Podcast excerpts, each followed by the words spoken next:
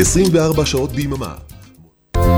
עמותת כל נותן, המרכז לסיוע חברתי. עמותת כל נותן מסייעת למשפחות נזקקות, חיילים בודדים, נוער, נוער בסיכון, אנשים עם מוגבלויות וצרכים מיוחדים.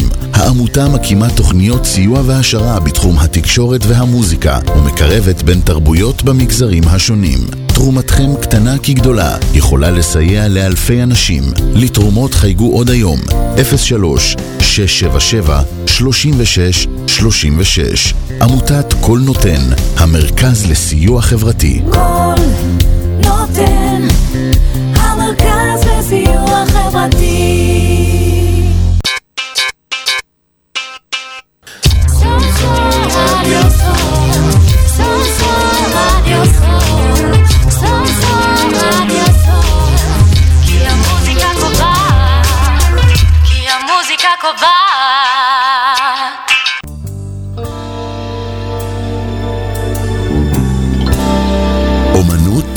אומנות ושמה תקשורת. תקשורת מקרבת וחינוך מואר. בהגשת פזית גלר ויובל דור.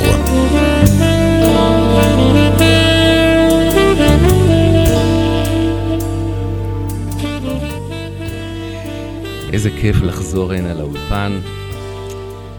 אנחנו יובל דור ופזית גלר. אתם מאזינים לרדיו סול. אנחנו נדבר היום בתוכנית אה, אומנות ושמה תקשורת. נדבר על נתינה, נדבר על זוגיות, על ויכוחים בזוגיות, על כעס. אתם מוזמנים להתקשר למספר הטלפון פה, 03-677-3636, אני חוזר, 03-677-3636. אהלן שוקי, הטכנאי שלנו, שוקי אברהם. אה, הם יכולים להשאיר הודעות פה בוואטסאפ שלנו פה? בוודאי. אוקיי, אז הוואטסאפ הוא 053 807 1213 וכמובן אתם יכולים להיכנס לדף הפייסבוק, להשאיר, לסמן לייק, לכתוב גם באפליקציה של רדיו סול, לצפות בסרטונים, בערוץ הרשמי של הרדיו, ואנחנו כבר רוצים להתחיל. אז אה, מה שלומך היום, פזית? מה עבר עלייך? קודם כל נתחיל. שתספרי לנו קצת על עצמך. אה, כן, אני אספר על עצמי, כי באמת לא הזכרנו את זה, אני חושבת. נכון. אה, אני חינכתי כיתות א'-ב' 20 ומשהו שנים. ובמהלך השנים האלה אני ראיתי הרבה קשיים של ילדים, של הורים, של צוותים. והרגשתי איזשהו צורך לעשות עם זה משהו, לעזור. Uh, במהלך השנים ממש ישבתי וכתבתי כל מיני דברים שראיתי. ופיתחתי, אני חושבת, דרך כזו שקראתי לה חינוך מואר. Uh, השם הזה הוא בעצם כדי להאיר מקומות שחשוך לנו בהם. כי יש הרבה מקומות שבהם אנחנו כאילו הולכים ולא יודעים מה נכון.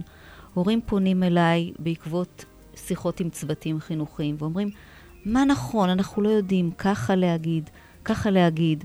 עם הילד, מה נכון, מה לא נכון. אז בעצם ליצור איזשהו נתיב כזה, כדי לעלות ממנו, להתמיר ממנו, והששיות בחושך הזה, שקראתי לזה הששיות, זה מין אה, משהו, נר קטן, שפתאום אני רואה קצת יותר טוב. איפה בעיקר איפה שאנחנו נתקלים, הולכים בחושך, נתקלים במשהו, לא מבינים למה זה הפיל אותנו, למה זה כואב לנו, או למה זה מפיל את הצד השני. נכון. ואז צריך קצת להאיר את, ה, את הטאקלים האלה, את התקלות האלה, שנמצאים בכל הורות, בכל זוגיות, ולפעמים של אדם עם עצמו, שהוא לא מבין מה קרה לו, למה הוא פתאום נתקע. אז, אז זה מה שקרה במהלך השנים האלה ואחריהן. ומה למדת עוד? אה, למדתי הרבה על, אה, על צוותים, מה קורה בתוך הצוותים. מעין כאילו כשאתה נכנס בסרט לבלוש במקום, אני פשוט הייתי שם, חייתי שם. אז כל העצות הן באמת מתוך השטח. אה, משם באמת המשכתי להדרכות, עבודה עם הורים, ליווי הורים, אה, שעל זה קצת הזכרנו אפילו, את העניין הזה של ללוות הורים בקושי עם הילדים שלהם. אנחנו ביחד מעבירים השתלמויות. אה, התואר השני שלי הוא בשינוי חברתי דרך אומנויות. כדי להגיע למקומות האלה, במקומות האלה נזקקת המון יצירתיות. המון מקום של מה אני עושה עכשיו, שמשהו מפתיע אותי, שאני לא יודעת, שזה לא רשום בשום מקום. אז זאת בעצם העבודה, עבודה עם הורים, עבודה עם צוותים חינוכיים, עבודה גם עם ילדים שמבקשים עזרה. אה, ועבודה איתך בהשתלמויות שאנחנו אוהבים לעשות. כן, אני חושב להגיד שהקטע הזה של שינוי חברתי בשיל, בשילוב אומנויות, שזה המאסטר שלך, זה, זה מפני שבאמת השינויים, כדי ליצור שינויים, אנחנו יכולים לעבוד כמו אומנים, שזה תמיד עיסוק באיכות של איך אנחנו מדברים, איך אנחנו חושבים, איך אנחנו מודעים. זה אומנות, לעומת נניח הנדסה, או לעומת שימוש כוחני בכוח. רוב מה שאנחנו רואים בסביבה בתרבות זה ניסיונות לשנות את הצד השני באיזשהו כוח. זה לא כמו אומנות שאדם מציג משהו והאדם השני מתפעל, ובגלל שהוא מתפעל הוא יכול לפעול אחרת. אני בתור, אם אני אציג את עצמי קצת למאזינים שלא מכירים אותי, אז uh, שמי באמת יובל דור, ולחלק מהמאזינים או הצופים אני מוכר מלהקת הכל עובר חביבי בתור uh, זמר ויוצר, כותב שירים וכולי, וממיוזיקל שעשיתי, ואולי אפילו מאזינים צעירים זוכרים את הקול שלי מהתפקיד שלי בתור שרק. Uh, אפשר לראות את זה אפילו בפרצוף. ו... ובעצם, תוך כדי הלימודים שלמדתי מיד כשהתחלנו את הלהקה, לימודי הפסיכולוגיה, שעשיתי תואר ראשון בבר אילן, אה, התחלתי לשחזר דברים שבהם עסקנו בחינוך באופן לא פורמלי במשפחה. כי סבא שלי היה מנהל בית ספר ביאליק בחולון, ודיברנו תמיד על חינוך. אימא שלי הייתה מורה בסמינר הקיבוצים המון שנים. וגם בחינוך תמיד ראינו בראש ובראשונה אומנות. וידענו שאותו תוכן, נניח שנדבר עליו פה בתוכנית, אפשר להגיש אותו בהמון המון המון צורות. כלומר שהרבה יותר חשוב, נניח אימא או, או בעל, יותר חשוב ממה שאתה מדבר, זה בעצם מאיזה לב יוצאות המילים. והנושא הזה של התכוונות ואיך להתכוון, חשבתי שאולי גם כשלמדתי לתואר שני, הבנתי שהנושא הזה של הכוונה או ההתכוונות, כל מי שמכוון את הדברים, כמו שמכוונים קשת או כמו שמכוונים אה, גיטרה, mm-hmm. להוציא את הצליל מכוון יותר, זך יותר, זה באמת עבודה לכל החיים. אה, אנחנו נשיר, נשמע, תכף שוקי ישים לנו את השיר אה, צליל מכוון, עדיין אנחנו בחודש הזה של תזכורת ליצחק קלפטר שהלך מאיתנו, ונשמע את חמישיית אה, זהו זה, שזה שלמה בר אבא ואבי קושניר. ו... ונכוון להמשך. כן, וגידי גור, ודובלה גליקמן, כן. ומוני מושונוב. ודווקא אנשים שהגיעו כבר, שהם בסביבת גיל 70, כבר מבינים את הערך של כוונה והתכוונות, אה, שלפעמים אנשים צעירים לא עד הסוף הבינו כמה לפני שאתה אומר משהו, חשוב שיהיה לך כיוון כזה, כוונה mm-hmm. כזאת, שזה יישמע אחרת. שזה יצלצל אחרת, שזה יהיה יוצא מן הלב, ולכן פותח את הלב, או מגיע ללב של הצד השני. אז בואו נשמע את uh, צליל מכוון ונתכוון להמשיך. נעימה של ירוסלב, צליל מכוון מופיע לך אחר כך, אני חושב. מגיע, אתה רואה אותו ברשימה? זהו זה? אתה רואה שם זהו זה? לא? אז טוב, אז זה נמצא במקום אחר. אז בואו נשמע עדיין את הסקספון של ירוסלב, ואחר כך נחפש את זה. אולי אה, לא שמנו לב וזה לא, ב... זה לא ברשימה הזאת. זה בסדר, נתכוון לזה אחר כך.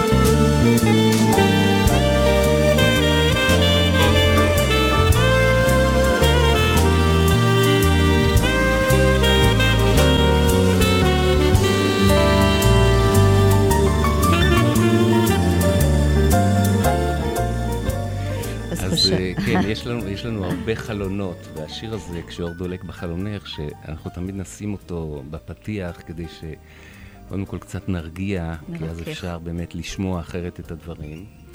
אה, היה לך הבוקר, ככה סיפרת לי, איזושהי תחושה של אור. זה כמו חלון של- שמשהו מאיר פתאום. נכון, נכון. היה אז סיפור. תספרי. פשוט סיפור. אני אתחיל מסיפור ואני אגיד שמיד אחריו, טוב, אז את המיד אחריו אני אשאיר למיד אחריו. הסיפור קרה הבוקר כשהלכתי לקוסמטיקאית. וכשהגעתי אליה, אה, אמרתי לה שהמקום שלה מאוד יפה ומטופח, ו... אז היא אמרה, כן, זה הכל אני עושה לבד. אה, הגרוש שלי לא נותן לי כסף, לא נותן לי כלום. הכל בכוחות עצמי. אני מגדלת שלוש בנות, הכל לבד. ואת יודעת, הגרוש שלי הוא קמצן מאוד, הוא איש רע. הוא מאוד מאוד קמצן, והוא לא נותן לי כסף לבנות. הבנות שלי הולכות אליו אמנם והכול, אבל uh, הוא איש נוראי. והסתכלתי עליה ואמרתי לה, את יודעת, השיער שלך מאוד יפה. אז היא אומרת לי, עזבי, השיער שלי כבר לא מה שהיה. אני כבר חודשים רק uh, מודאגת, והוא נושר לי. ולא טוב לי, אני לא מוצאת את עצמי, לא טוב לי, אני לא רוצה זוגיות, לא, רוצ... לא, לא טוב לי. אמרתי לה, והיא אמרה, ועם הבנות כואב לי, כואב לי שהן הולכות לאבא שלהן ככה, כואב לי שהן חוזרות. אני אגיד לך את האמת, אני גם כועסת עליו, והן יודעות את זה. הבת שלי לפני כמה זמן אמרה לי, אמא, את זוכרת איך כעסת על אבא כשהייתי בת שלוש? אני עד היום זוכרת את זה, ככה אומרת הילדה. והיא אומרת, ואני ממשיכה לכעוס. הן שומעות אותי כועסת על הקטע הזה עם הכסף שלא מגיע וכולי. ואז אמרתי לה, את יודעת, פסיכולוגית אמרה לי פעם, כשהבת שלי הייתה בת חמש, וזה היה מזמן, היא אמרה לי, כשאת אומרת מילה רעה על בן הזוג שלך, גם אם הוא בן זוג לשעבר, זה כאילו חתכת איבר בגוף של הילדה. תזכרי את זה. באותו רגע היא הסתכלה עליי ואמרה לי, היא ככה זזה, והיא אמרה לי, היום זה יום שהולך להיות לי שינוי מאוד גדול. הילדות שלי יחזרו מבית הספר, ומהיום, מה את אומרת אני צריכה לעשות? אז אמרתי לה, כשאת אומרת על הגרוש שלך, ליד הילדות, הוא קמצן, תגידי, חסרה בו מידת... בוא, הייתי שמחה בשבילו אם הוא היה יותר בנדיבות. אם את אומרת, הוא רע לעצמך, תגידי, חסרה בו מידת הטוב. המילים האלה הן הטבעות תודעתיות. ברגע שאומרים על אדם הוא רע, הוא קמצן, נקלל אותו, כל מיני דברים כאלה זה סלעים בנשמה שלך ושל הבנות שלך. והיא בכתה, והיא אמרה, אני לא רוצה שהילדות שלי יגדלו ככה, אני רוצה שהן תגדלנה למשהו אחר. אז אמרתי לה, מה דעתך? מה קורה בך כשאני אומרת לך עכשיו, במקום להגיד את הדברים האלה, במקום לקלל, לברך. להתפלל עבורו. להגיד, הוא אבא של הבנות שלי. שיזכה ליהנות מהכסף הרב שיש לו. היא אמרה, הוא לא מסוגל ליהנות. אני, אומרים לי, הקללה כבר, הוא כבר מקולל כי הוא לא מסוגל ליהנות. אמרתי, למה מקולל? תברכי אותו, שיצליח ליהנות, הוא אבא של הבנות שלך. היא אמרה לי, זה יום, עכשיו, זה בוקר, שאני לא אשכח אותו. אני מבטיחה לך שבפעם הבאה שאת באה לטיפול פנים אצלי, אני אומרת לך שקרו דברים. אני מרגישה שיכול... אני נושמת. ככה היא אמרה לי, אני נושמת. אמרתי לה, בטח, ואת תנשמי עוד ועוד, וגם הבנות שלך. כל פעם שיש משהו בראש שהוא שלילי, תגידי, חסרה בו מידת ההפך.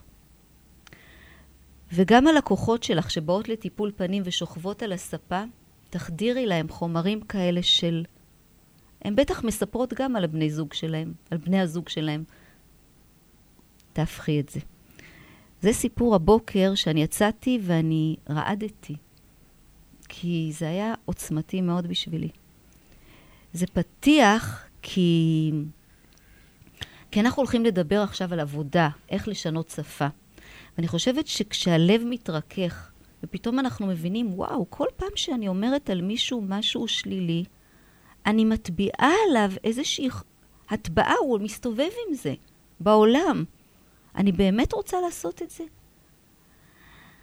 אז הניקיון הזה הוא כל הזמן להוריד, אני מדמה את זה שיש לנו יהלום שדבק בו בוץ.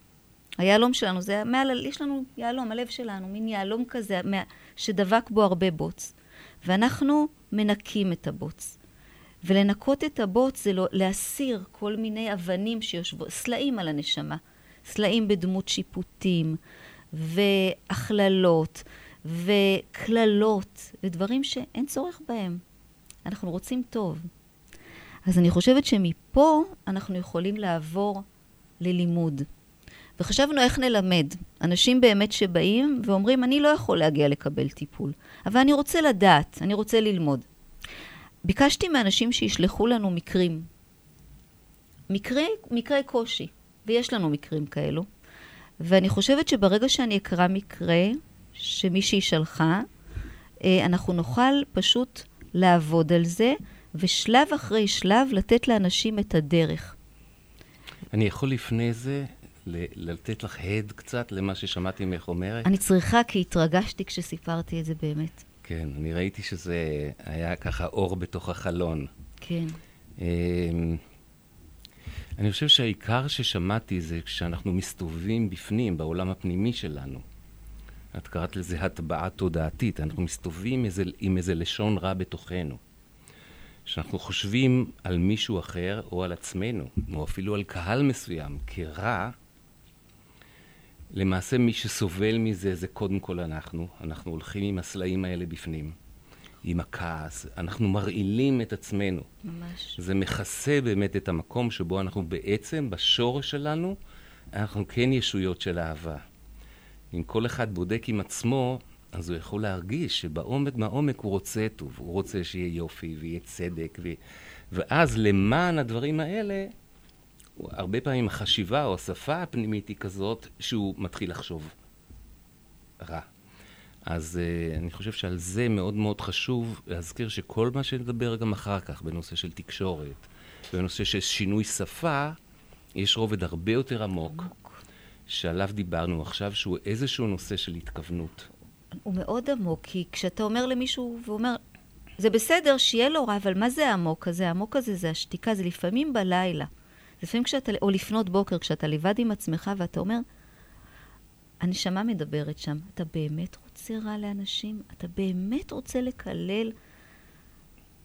ואני חושבת שאצל כולנו התשובה היא בעומק לא.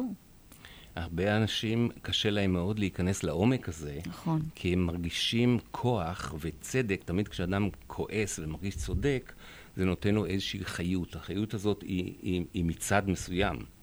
היא בהחלט לא מהצד העמוק שקוראים לו צד הנשמה. נכון. והיא נותנת, ו- וזה שהוא איזה יצר של לפרוק אותו ולהכאיב למישהו כי לנו כואב.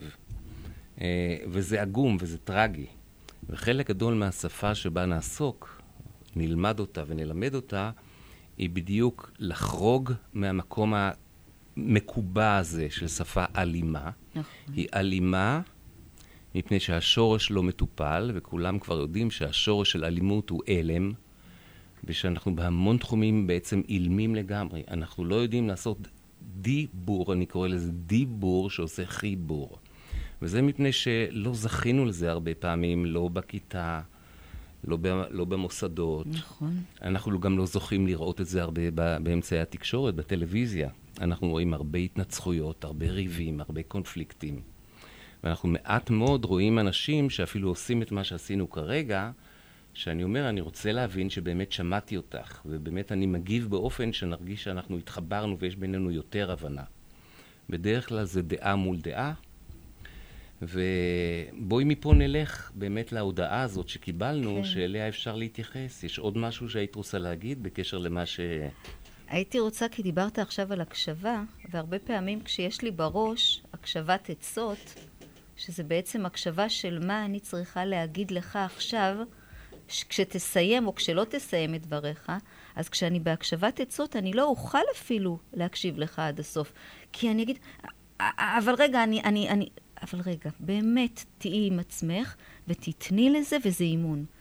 תתני לעצמך להקשיב עד הסוף, וגם אם בא לך להגיד משהו, תגידי, לא, לא, לא. אני רק מקשיבה. אני אתן לזה לסיים, ואחר כך אני אחשוב מה אני רוצה להגיד ואני אגיד. ואז אתה גם מרגיש שאני איתך. כי ילדים וגם מבוגרים מרגישים כשהצד שמולו עסוק במחשבה איך אני עונה לך ואיך אני נותן לך עצה או תשובה או פתרון. אנחנו לא מבקשים את זה. הרבה פעמים זה אנחנו... עוד הרבה קודם, זה לא רק לתת עצ... הקשבת עצות, זה בדרך כלל הקשבה שבה אני רוצה להביע את הצד שלי, כי אני מרגיש שלא ישמעו אותי. ואז אני צריך להשקיע הרבה כוח. זה יכול להתבטא בצעקה, זה יכול להתבטא בחריפות, זה יכול להתבטא בסרקזם, זה יכול להתבטא בציניות, כי אני, כי אני מרגיש שאני העיקר, ו... ולא ישמעו אותי, ולא יהיה אכפת לאחרים מהצרכים שלי. כן. אז אני נהיה אלים, כי אני לא מאמין שהדיבור יוכל באמת ליצור הבנה. אז הכל מתחיל באמת מאיזה סוג של אמונה. וגם הגברת הזאת שדיברת עליה, הקוסמטיקאית, אם היא לא הייתה כבר עם איזושהי, בשל, עם איזושהי בשלות, לשמוע את הזעזוע שבאמת זעזעת אותה, שבעצם יש לה בפנים, אה, היא לא מצדיקה את עצמה, אלא היא עצמה לא מרגישה נוח עם, אני- עם האופן שבו היא חושבת ומדברת ו- ומעבירה לראות- לבנות. סליחה, אני יכולתי לראות את זה עליה. אני יכולתי לראות אדם שעובר את כל הדבר הזה בשניות. אני קוראת לזה הרבה פעמים ישועת השם כהרף עין. בשניות היא אמרה, היום, היום, מהיום זה לא יקרה יותר. מהיום הילדות שלי לא ישמעו דברים רעים על אבא שלהם, ואני יודעת שאני הרגשתי. זה, זה, וזאת ישועה, זה נס, זה יביא, אני אמרתי לה, זה יביא לך ברכה בכל תחומי החיים, אין לי ספק, ובטח אם תעבירי את זה הלאה. אז עכשיו אני חושבת שניקח את ההודעה, ואני אגיד משהו על זה. אני ביקשתי מהמאזינים שלנו בפעם הקודמת שיכינו שיעורי בית. למה? כי כשאני יושבת עם זוג וקוראים דברים, ואני רוצה שזה יעבור לכולם, אני צריכה חומרים, אני צריכה חומרי נפש. אני צריכה שאנשים יביאו את חומר החיים שלהם, יכתבו אותו, ואז אנחנו נעבוד על זה כאן, בשידור. כדי שכל מה שאני מלמדת ושאנחנו מלמדים, יוטמע גם באנשים האלה שלא יכולים לבוא למפגש אחד על אחד. כי הסיפורים חוזרים על עצמם. ואני מזמינה להכין, לכתוב, להביא, להכין דף ועט. וזאת הודעה שקיבלתי בדף הפייסבוק של חינוך מואר, וככה כותבת אז מאזינה. אולי אני אקריא את החלק הראשון תקריא. ואת תתייחסי. אוקיי, אני מקשיבה. אז אה, זה לשון ההודעה שמאזינה מקסימה כתבה לנו, כי היה לה אכפת באמת להביא את עצמה ודבר שמעסיק אותה. אז היא כתבה ככה, תקשיבו. אנחנו זוג צעיר ללא ילדים עדיין. לא יצא לנו להיתקל בהתקפי זעם רציניים מדי זה עם זה, אבל כן להיתקל בטריגרים שיכולים להכעיס ולהרגיש כמו, די, כבר נמאס לי שההתנהגות הזאת חוזרת על עצמה ולא משתנה. התובנות שלנו הן, קודם כל שכשהכעס עולה, להעמיק את הנשימה, לאפשר לעוד חמצן למלא את הגוף שלאט לאט יירגע. לעתים מי שכועס נמצא בתוך הלופ, ואז לא זוכר לנשום עמוק באותו רגע. ולכן בן או בת הזוג מזכירים. אנחנו אומרים זה לזה משהו כמו, רוצה שננשום רגע ביחד, ממוש? לרוב זה עובד. מהרגע שהוא משתף פעולה ונושם, הוא כמו מסכים לצאת מהלופ ולהתקרב לפתרון הבעיה במקום לשחזור שלה. אז עד כאן הקראתי את החלק הראשון של ההודעה, אחר כך יהיה חלק נוסף, נמשיך אותה, אבל באמת, פזית, אני אשמח אם uh, תתייחסי רק לדבר הזה, ואז uh, נקרא את ההמשך. אוקיי. אז קודם כל אני אתייחס לזה. אליי בדרך כלל לא מגיעים זוגות צעירים, והחלום שלי של זוגות לפני, טרום ילדים, יזהו את המקומות האלה בהם זה לא עובד. בהם אנחנו סוחבים איתנו דברים, מתכסחים ובסדר, אחר כך משלימים, אין עוד ילדים, אז אפשר עוד לצאת ליל בערב, להיכנס למיטה, הכל נהיה בסדר. אבל, אבל זה, זה, כבר מתחיל. הסלעים האלה על הנשמה כבר מתחילים להצטבר. ואז זוג שפונה ואומר, זה מפריע לנו, אנחנו רוצים, זה כמו וירוס כזה, וירוס שעובר מדור לדור. Uh, ההורים שלי דיברו אליי ככה, אני מדבר ככה לבן הזוג שלי. שמעתי את ההורים, ככה מדברים בינם לבינם. והרבה פעמים גם כשאני אומר, אני הולך להפסיק את זה, ברגע האמת אני ממשיכה להיות כמו אימא שלי, או בן הזוג כמו אבא, או וכולי. אבל ברגע שאנחנו ערים לזה, ואומרים את השפה הזו, אני משנה. אז אה, הבחורה המתוקה הזו דיברה על נשימה. שאלה דברים וטכני, וטכניקות שאני יודעת שלומדים אותם המון. טכניקת נשימות וכולי. עצירה של כעס, ש, אה, נכון שאנחנו רוצים לכבוש את הכעס. ההמתנה הזו כבר לכשעצמה יש בה ברכה. אבל לא מעט פעמים זה מעין פלסטר, זה מעין סתימה על טיפול שורש. למה? כי הכעס קיים שם. ואנחנו, אה, אני כובשת את הכעס כי אני לא יודעת מה עושים איתו. אבל אם הייתי יודעת מה לעשות איתו, אז לא הייתי כובשת אותו, הייתי נותנת לו מקום, הייתי נותנת, מזמינה אותו, אומרת, בוא, אני יודעת איך לדבר אותך. אני יודעת איך לפרק אותך לסיבות ממנו אה, אה, נוצרת. כי יש, לפני שמגיע הכעס, הוא רגש, אבל לפני הרגש יש דברים שקורים. יש לי שיפוטים על הדברים שקורים. בדרך כלל זה המוקד של הכעס. כי המוקד זה לא מה שקרה, זה השיפוטים שלי או המחשבות שלי על מה שקרה. כי אם אני אהיה נקייה מול מה שקרה, זה לכשעצמו, אם מישהו ישמע מהצד ואם גם אני אחר כך אשמע, אני אגיד, רגע, זה לא ממש מכעיס. מה שמכעיס זה הסרטים, או זה שאני אומרת, הוא תמיד כזה. וכאן, אתה קראת את מה שהיא כתבה, אה, אה, כבר נמאס לי שההתנהגות הזו חוזרת על עצמה. ברגע שאני עוצרת ואני אומרת, נמאס לי האמת קצת ממנו. הוא מתנהג ככה כל הזמן, זאת ההתנהגות שלו. ופה מתחילה עבודה. הוא מתנהג ככה כל הזמן, אוקיי, מה הוא עושה? מה קרה בדעה קרה? מה מצלמת וידאו? תבוא ותראה שזה כל הזמן. אז אלה כבר מילות מפתח שאם מישהו רושם פה, אז כשאני אומרת את המשפט, הוא מתנהג ככה כל הזמן והוא לא ישתנה, אין סיכוי שהוא ישתנה, זה כבר חוסם.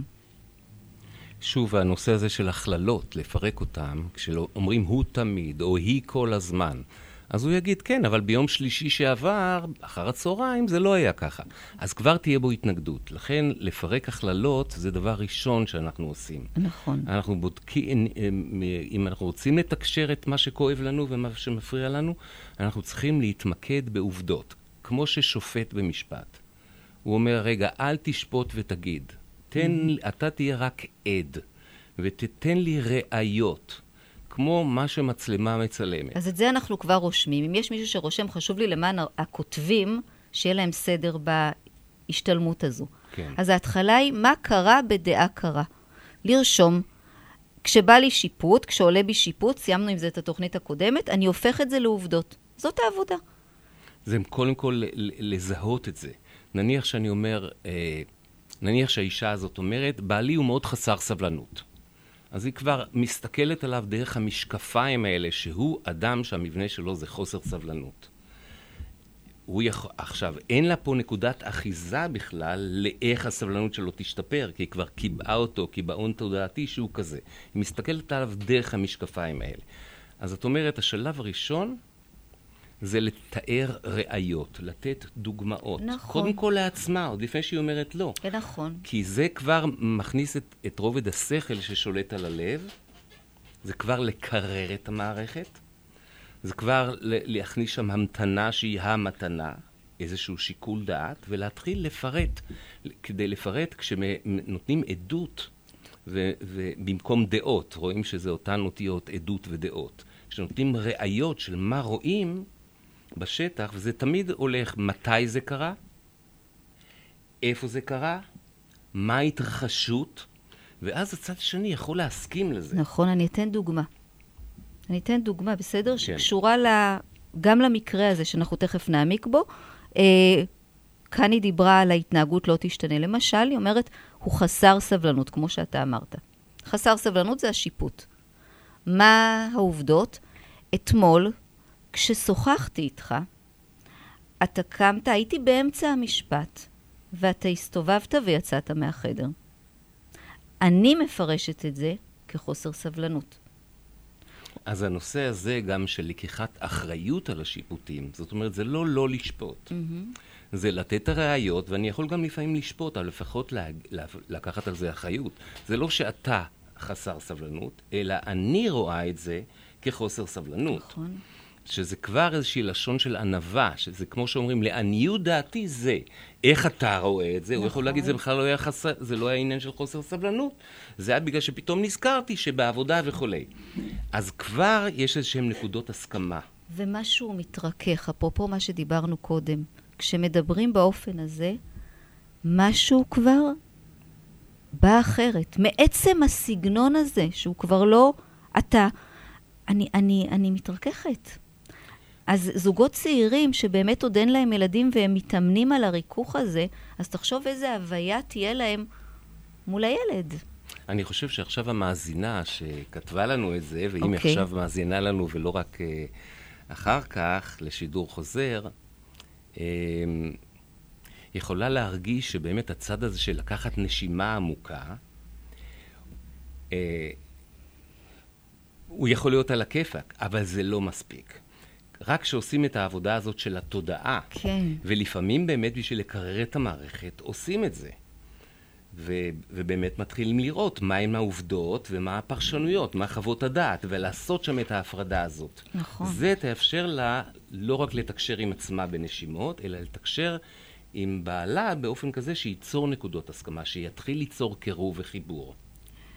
זה, זה, מצר... זה, זה דורש הרגל ואיזושהי הסכמה, זה כמו איזה חוקי משחק, שהזוג, כמו שהיא אמרה לו, תיקח נשימה ממוש, אז זה גם סוג של הרגל ומשחק, שאנחנו רוצים אה, את המוקשים האלה שמתחילים להיווצר בינינו, לפרק אותם כשהם קטנים, ושיש לנו איזה, בשביל זה צריך באמת רצון גם מהצד השני. להבין שאם אנחנו שנינו בהסכמה שאנחנו רוצים לשמור על הזוגיות שלנו, mm-hmm. שאנחנו רוצים גם שרעל שמצטבר לא יעבור לילדים, נכון, כי זה יעבור עוד מהילדים כשהם יהיו גדולים לילדים שלהם. נכון. אה, אנחנו צריכים איזשהו סוג של הסכמה שאנחנו רוצים לדבר בשפה הזאת. אבל מספיק שכל צד עושה את זה בתוך עצמו לבד. גם אם בעלך בכלל לא רוצה לעסוק בזה. עדיין, כמו שאמרת, אם היא יכולה לדבר את הדבר הזה בתוך עצמה, המציאות מתחילה להתרכך. אני רוצה גם להגיד משהו על הנשימה, ובכלל על נשים שמגיעות אל, אליי והן מאוד מודעות. זאת אומרת, נשים שכביכול עושות עבודה, ובאיזשהו רובד, אני מרגישה, אני לא אומרת פה, אבל אני אומרת באופן כללי, איזשהו משהו שמצפה שגם הצד השני יעשה את אותה עבודה. ומעצם המקום הזה של אני כבר יודעת ואתה לא, ובוא ננשום, אולי הוא לא רוצה לנשום. הוא, כמה הוא פתוח. אם אני בודקת איתו כמה הוא פתוח לנשימה, והוא אומר, את יודעת מה? יש פעמים שאני נושם בשבילך, כי את מבקשת. אז יש אפשרות לדבר על זה, האם אני באמת רוצה שהוא ירצה אותי, האם אני רוצה שיחד נרגיש, זאת אומרת, פה זה מעבר ללנשום ביחד, זה להרגיש כש... מי החליט על הנשימה? האם זה באמת מקובל? האם לשנינו זו... ההסכמה להיות בסקרנות ולבדוק את זה, היא החיבור, משם מגיע החיבור. בוא, בואי נעשה, אם זה בסדר, שנעשה רגע הפסקה, הפסקה? כדי שהמאזינים יוכלו. אה, שוקי, מה דעתך לשים? יש לך שם את השיר קטונתי? אני חושב שההרגשה הזאת שאנחנו לא גדולים ומנופחים נכון. ויודעים, אלא ענווה. אנחנו באיזה ענווה, ולהבין שקיבלנו המון חסד בזה שאנחנו בכלל יכולים לדבר אחד עם השני, ואנחנו יכולים לחשוב, זה כבר דבר גדול, ושאנחנו צריכים להיות באיזה הכרת תודה אה, לכל דבר. אני מסכימה אז. בואו בוא נשמע קצת את יונתן רזאל עם קטונתי, זה שיר ידוע, זה, קצת, זה מהמקורות. גם קצת תפילה, בדיוק, והוא תפילתי. נכון. אני חושבת שאפשר ככה. זמן לקחת נשימה.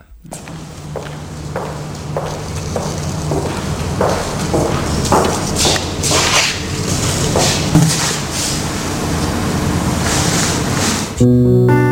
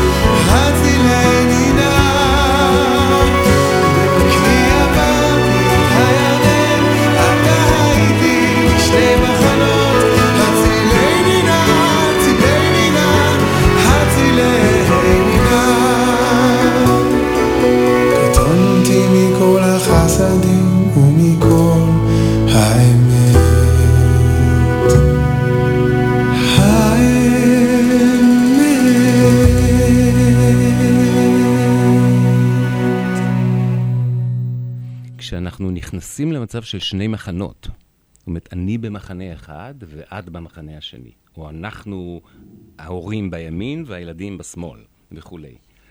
Uh, המילה עצמה, מחנה, היא מאוד יפה, כי זה יכול לאפשר לנו איזה מין חנייה, נכון, לחנות. לא. ואפילו המילה לחנות זה קשור ל...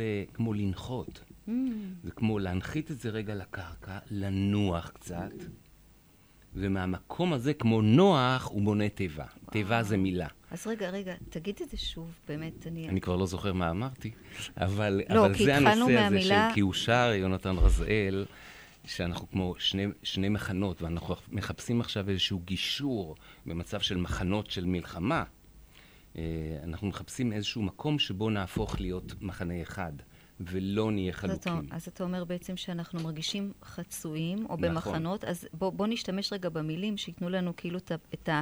כי הרבה פעמים בשפה העברית יש את התרופה בתוך המילה, את נכון. הפתרון. אז אם בעצם אני מרגישה שאנחנו שני מחנות, אז בוא נחנה רגע. בדיוק. נהיה בחניה, כלומר בעצירה. מה עוד אפשר לדלות מהמילים? כן, ששם, שאנחנו זקוקים לאיזה סוג של נחת. לנחות, נחת, נחת. זה כאילו לרג, לרדת לאיזה מקום יציב יותר, ולא מקום מעורער ואגרסיבי, נכון. אלא שנייה אחת לקחת, לפעמים אפילו הנחה, כשאדם עושה וואו. נאנח, מרשה לעצמו להיאנח, אז הוא מתחיל, אז זה, זה, הוא, הוא נח שם. אז מחנות, תחנה, הנחה, נכון, נחת. נכון. זה, אני אומרת את זה כי לפעמים אנחנו, אני מרגישה שנגיד אני אה, עם בעלי במשהו, באיזשהו, ואז אני אומרת, רגע, רגע, עכשיו אנחנו שני מחנות, אז בואי רגע, יש פה תחנה, תנוחי, תהיי בנחת, וזה... כי למעשה זה מה שביקשת, אני מדבר על המאזינה שכתבה לנו את ההודעה הזאת, כשהיא, כן. כשהיא ביקשה לקחת נשימה. אנחנו פה מדברים על נשימה לנשמה, נכון, שזה לא רק ברמה הגופנית של. נשימה, יש קשר כמובן לנשימה הזאת. אבל הנשימה היא כדי כמו להרחיב את הריאות, ולהרחיב את הריאות זה כמו להרחיב לראות. זה פתאום לראות מה שלא ראיתי קודם. בשביל זה אני גם צריך באמת את החמצן למוח. היא, היא כותבת על זה. זה בואי באמת נמשיך נכון. רגע. תמשיך את ת- המכתב. תמשיכי לקרוא את ההודעה שלה. אה, זה מסוג ההודעות שאתם מוזמנים כמובן לשלוח לנו ולתאר מצבים שבהם אתם מרגישים שהייתם רוצים להעמיק בהם ולראות אותם קצת מזוויות אחרות. ככל, ש, ככל שתשלחו לנו יותר הודעות, זה יהיה בעצם עבורכם ועבור צופים רבים שחווים את אותם חו... אותן חוויות, כן. ושבאמת לא יכולים להגיע לעבודה פרטנית כזו. אז העבודה הזו היא עבור כולם, זה כבר uh, נתינה בעיניי. אני שמה לב שאנחנו הרבה... זה מה שהיא כותבת. זה המש... בהודעה. כן, שאנחנו הרבה פעמים לא שמחים על כך שעולה כעס, ולא מקבלים אותו בזרועות פתוחות כמו את שאר הרגשות. אני חושבת שזה בגלל ששנינו מאוד רגישים לאלימות ולא מגלים סבלנות כלפי אלימות. אנחנו עדיין מנסים להימנע מלכעוס ככל הניתן. בעיקר כי אנחנו שמים לב שהתדר הכועס לרוב לא מביא לפתרון, אלא רק יוצר טראומות. אם כי, וכאן מגיע אם כי, זאת אומרת, עד כאן באמת תיאור של, אני שמה לב שאנחנו לא אוהבים את הכעס, וגם למה אנחנו לא אוהבים את הכעס, מה הסיבה. עד כאן זה מין פרשנות כזו למצב.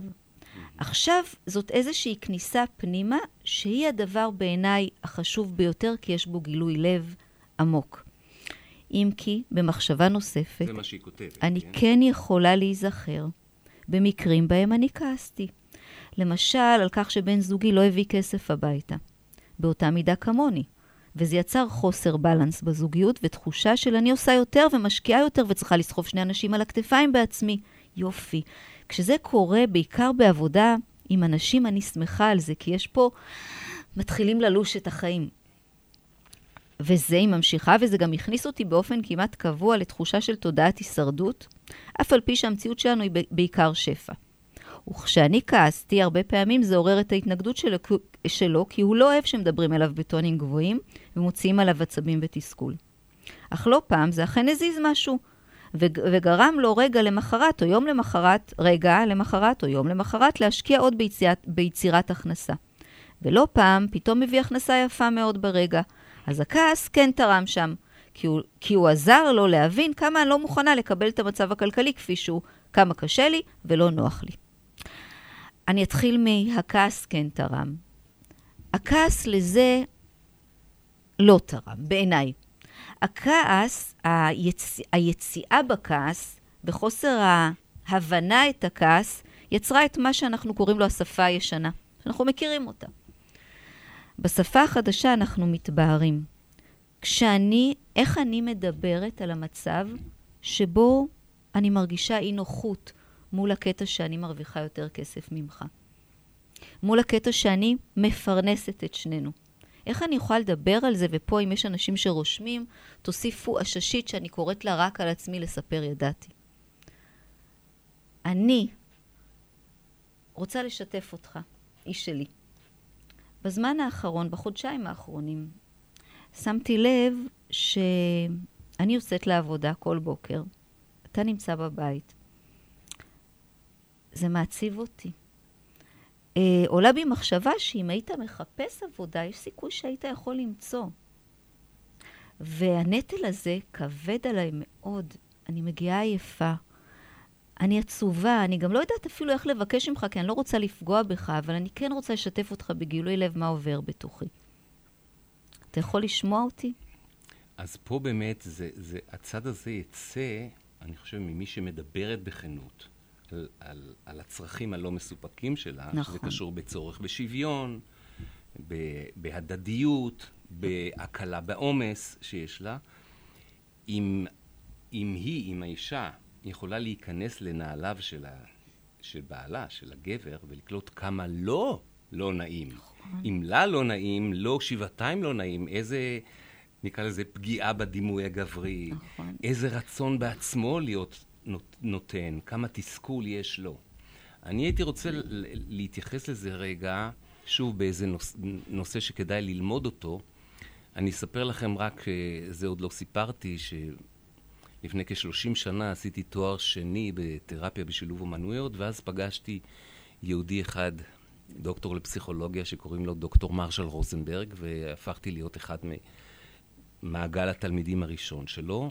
אני אפילו, אה, כשחיפשנו שם למודל שהוא פיתח, שנקרא תקשורת לא אלימה, NVC או Non-Violent Communication, וחיפשנו איזשהו שם אה, שהוא לא מה זה לא, אלא מה זה כן, אני הצעתי את צמד המילים תקשורת מקרבת. רבים מכמה אלפים שעוסקים בזה בארץ אפילו לא יודעים איך השם הזה הפך להיות שם נפוץ. ואחד הדברים הבסיסיים שהוא לימד אותנו זה הגדרה אחרת לכעס. וההגדרה הייתה שכעס זה שעון מעורר. אם זה שעון אנלוגי, יש לו שני מחוגים. וואו. מחוג אחד זה שכשאני כועס, הצרכ... יש לי צרכים לא מסופקים. אם הם היו מסופקים, לא הייתי כועס. והדבר השני הוא, המחוג השני מראה לי שכשאני כועס, אני עלול להתבטא באופן שיכשיל את סיפוקם. זאת אומרת, אם האישה אומרת לבעל, או אפילו מסתכלת עליו באיזה מבט מזלזל או משפיל, או שהוא עלול לפרש את זה ככה, או היא אומרת לו, אתה, לא מרוויח כסף. אתה לא מרוויח כסף, והוא מרגיש שהוא הוא, הוא חושב לעצמו שהוא לא יוצלח וכולי, נכון, נכון. במקום שהיא תדבר את זה באופן שיפתח לו את הלב, והוא ירצה לעבור שינוי, נכון. הוא ייסגר מולה. מאוד. לכן היכולת הזאת להביע ביושר את הצרכים שלנו, והרבה פעמים גם את הרגשות שלנו. הרגשות מאוד, אה, כי הרבה פעמים אני אומרת אני כועסת, אבל אם אני בודקת, אז מתחת לכעס, או מעל, יש תסכול, ויש עצב, ויש חוסר אונים. ואם את המילות רגש האלה אני אומרת, שוב, אני אחזור לאנשים מדברים על תדר, גם היא דיברה על תדר, זה תדר שונה, הוא עדין יותר. הכעס הזה הוא אלים. החוסר אונים, התסכול, האכזבה אפילו. נכון. אה, אני חושב שאחת מהעבודות זה שאדם רושם לעצמו. אני באופן אישי אוהב לעשות את זה, לא כולם מתחברים לזה, אבל זו דרך לעבוד על השפה, כמו שלומדים כל שפה.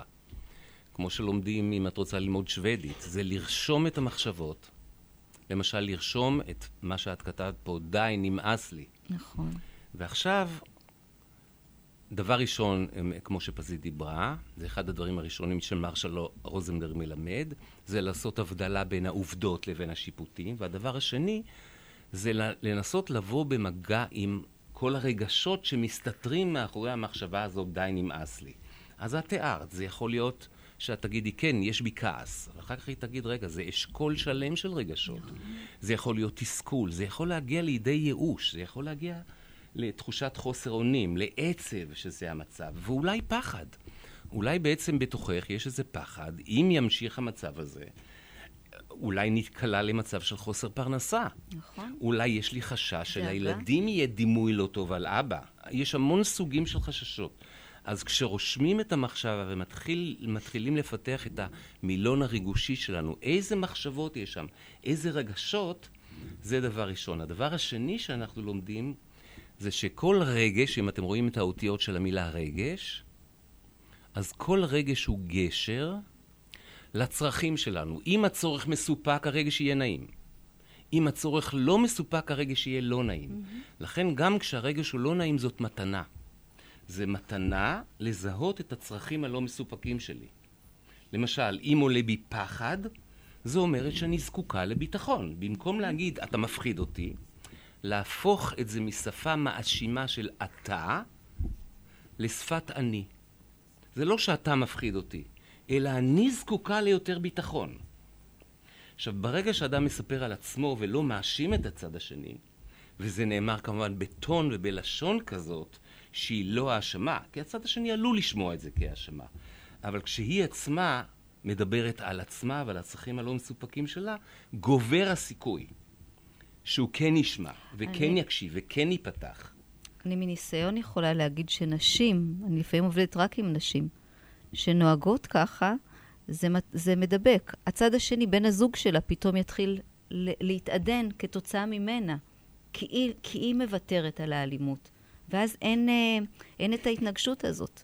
מניסיונך, מניסיונך יש מצב שבו, שבו נניח האישה למדה יותר את השפה כן. הזאת, למדה לדבר על עצמה. כן. למדה אה, אה, לתפוס את עצמה כשהיא מתחילה להאשים. בטח, אני עובדת לא מעט רק עם נשים, אתה יודע. כן, והוא מתחיל, והוא, מת- ואת חושבת שהשפה הזאת מדביקה? זאת אומרת שהוא יכול לאט לאט לשמוע את אשתו ולהתחיל לדבר בשפה הזאת זה, גם זה כן. קורה, זה פשוט קורה, כי אם היא לא שופטת, אז הוא לא ישפוט אותה, זה מין, אה, מין תרגול, זה פשוט, אני, אני רואה שזה פשוט קורה. כשאישה עוברת את השינוי הזה בעצמה, זה עובר לבית, זה עובר לבן זוג, זה עובר לילדים. בגלל זה אני אמרתי, התחלנו את השידור, ונראה לי שתכף נסיים אותו בזה שאני מברכת על זה שדווקא אה, אנשים שרק בקשר זוגי, עוד לא עם ילדים, ועולים להם כל מיני עניינים, מין כאלה נורות אדומות כאלה של משהו פה, לא ממש רקוב, אבל משהו פה מריח לא טוב, להתחיל להגיד, לא, אני על זה לא מוותר, כי זה הרבה יותר מכל דבר שיקנו בכסף, יותר מבגדים וטיסות לחו"ל ומיליון דברים ובילויים, זה הנגיעה בדבר הזה, שאתה בעצם אה, אה, קונה את הדבר הכי יקר בעולם בעיניי, שזה היכולת להיות בקשר. אולי אני אגיד לאהוב. ככה לקראת סיום רק את זה, שלאנשים ברור לגמרי שכשאתה רוצה לעלות על הכביש עם רכב, אתה לוקח, לא יודע, 30, 40, 50 שיעורי נהיגה. ופה אנחנו מדברים על דבר מורכב, זה לא סתם נהיגה, זה התנהגות. בנהיגה מלמדים אותך, דבר ראשון, אתה חייב לשלוט בברקסים. והרבה אנשים לא שולטים בבלמים שלהם. אחר כך את, את צריכה לדעת לאותת. איך את מאותתת לו שעכשיו את הולכת לפנות? את צריכה להסתכל בראי. את צריכה להחליף לפעמים מהלך. את צריכה לשלוט בהגה, דיברנו שזה ההגה של ההגות, איך אנחנו הוגים בפנים.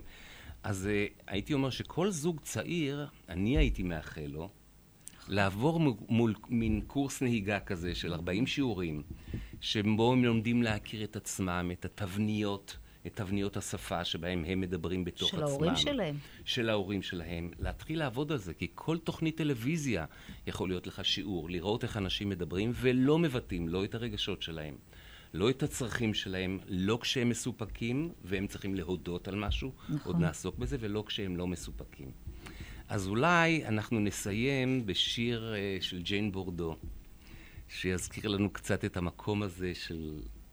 Uh, שאנחנו רוצים להודות לך המאזינה ששלחה לנו את ההודעה הזאת. תודה רבה. זה מקום שבו אנחנו רוצים לחיות באהבה, בעיקר בזוגיות. כל זוג שעומד מתחת החופה אומר, אני מאחל לעצמנו שהאהבה שלנו לא רק תישאר, אלא שתלך ותתגבר.